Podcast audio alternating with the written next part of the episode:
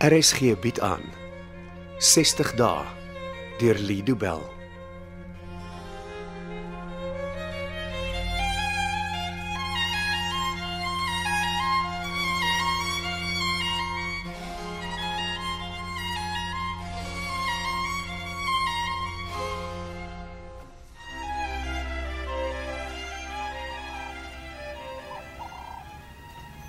Dankie dat jy gewag het, meneer April. Ek is jammer. Ons is nie gewoond aan besoekers nie. Daar is reg so dokter Loos en dankie dat ek vandag vir Susan mag kom kuier. Uh, dis alles behalwe 'n kuier. Ek het vir my kliënt so lanklaas gesien dat dit vir my behoorlik soos 'n kuier voel. Meneer April, jou teenwoordigheid is slegs te danke aan die feit dat daar 'n dreigement van 'n hofbevel oor ons kop hang.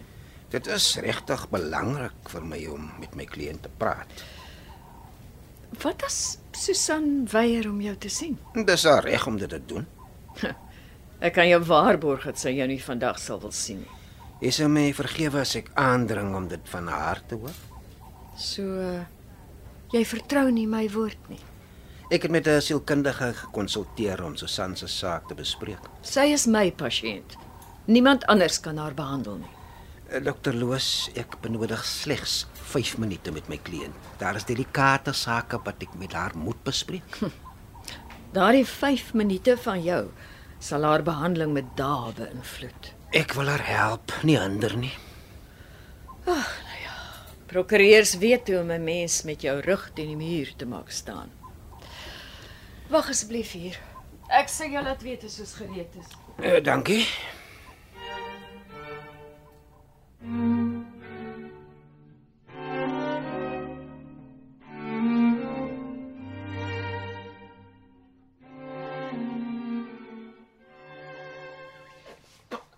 Kan jy nie van vrou môre of miskien die naweek te kom nie? Susan, ek wens dit was moontlik. Magda, ek voel nie lekker nie.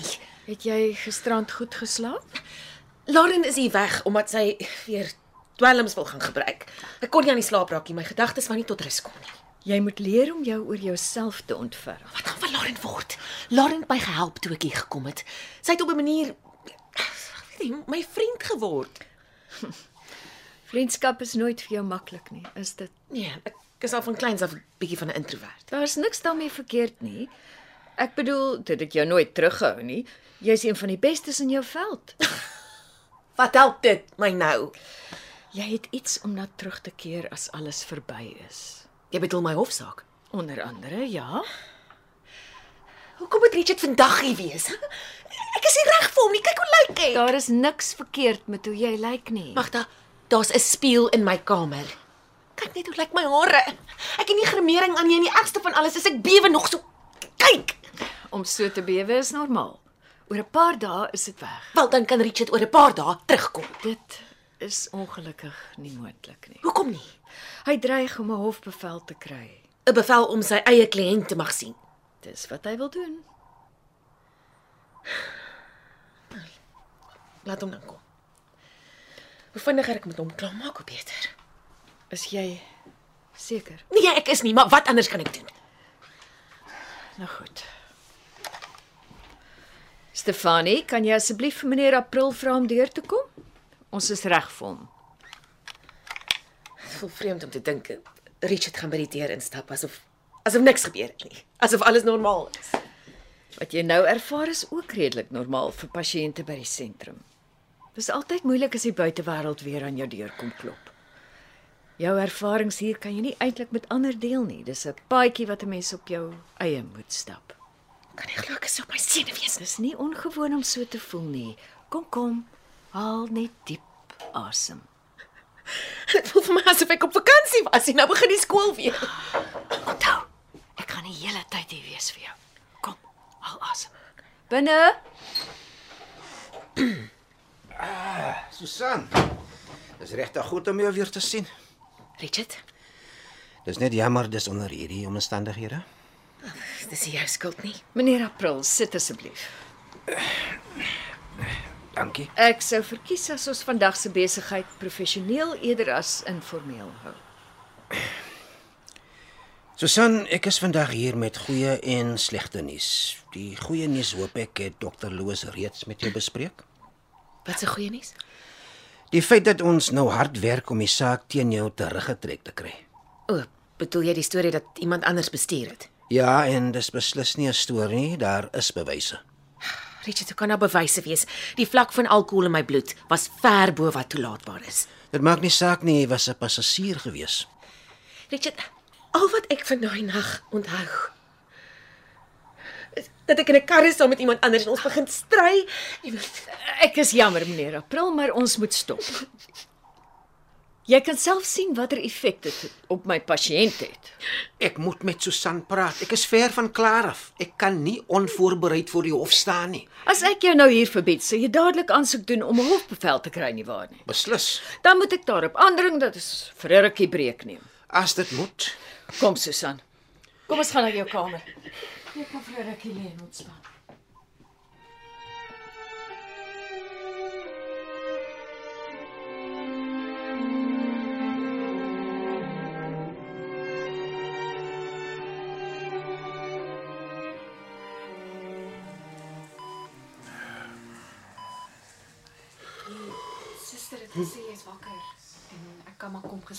Ek weet hoe kom ek so opgepiep word nie.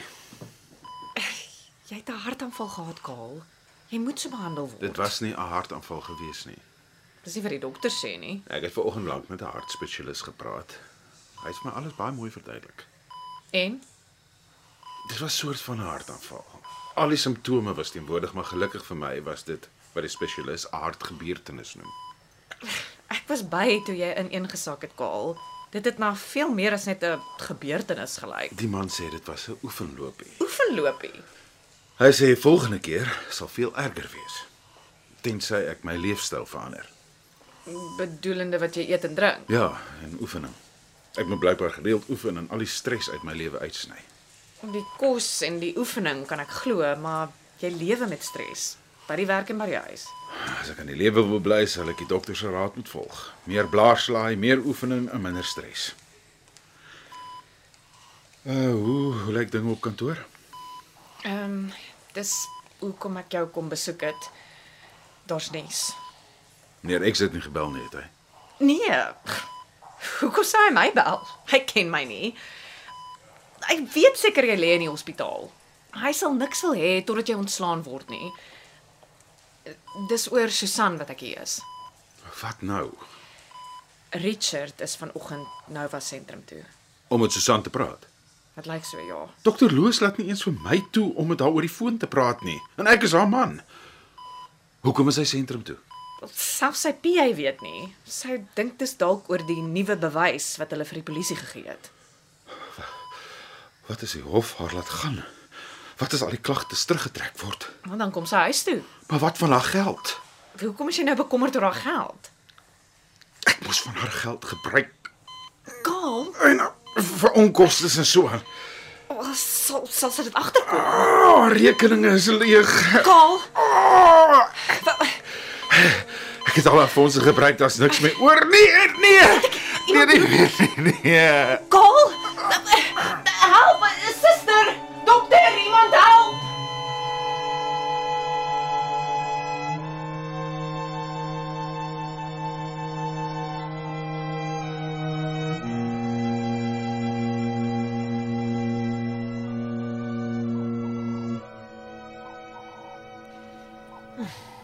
Jy was reg, Magda. Ek voel beter. Om oë toe te maak vir 15 minute of so is altyd 'n goeie idee, veral as jou dag stresvol is. Ek verstaan net nie hoekom ek myself so opgewerk het nie. Net om met Richard te praat. As 'n mens ons behandeling ondergaan en veral as jy nog 'n trauma ondergaan, dan sukkel jy om jou emosies weg te steek. Maar Ah, ek wens ek kon. Dis nie nou moontlik nie.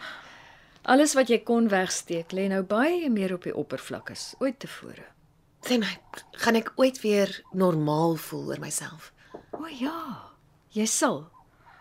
Niks hou vir ewig nie. Daar kom 'n einde aan Ek alles. dink is Richard wat klop. Is jy gereed om weer met hom te praat? Ja, ek is reg. Binne Ek vra weer om verskoning. Ah, Ek wou jou nie uh, ontstel nie, Susan. Richard, Geen persoonlike gesprekke nie. Slegs professionele sake, hè? Ek is jammer, maar daar is iets van 'n persoonlike aard wat ek eers uit die weg uit moet Ag kry. nee, asseblief nie. Dis nuus oor haar man. Wat van Kaal? Hy hy het 'n hartaanval gehad. Nee. Hy is in die hospitaal opgeneem, maar hy sterk goed aan. Ek het hom jare terug gewaarsku. Hy eet nie gesond nie en hy laat veel te veel stres in sy lewe toe. Dis nou genoeg persoonlike sake, meneer April. Jou doel hier was om voor te berei vir julle volgende verskyning in die hof. Voor jy gaan rus het, was ons besig om te praat oor die persoon wat jou motor bestuur het die nag van die ongeluk. Richard, ek onthou amper niks van daai aand nie. Het dokter Loos jou vertel dat daar 'n sekuriteitskamera opname is van die ongeluk? Ek het gesê ek sou. Dankie. Nou wat help dit as daar 'n opname is? Dit bewys dat jy sonder twyfel nie die kar bestuur het tydens die ongeluk nie. En jy glo hulle sal die saak teen my terugtrek? Hulle moet, hulle het nie 'n ander keuse nie. Die opname wys duidelik dat jy nie bestuur het nie. Daar is nie meer 'n saak teen jou nie. Sal Susan se borgvoorwaardes opgehef word. Ja, So sy hoef nie meer hier te wees vir behandeling nie. nie tensy sy wil nie. Susan.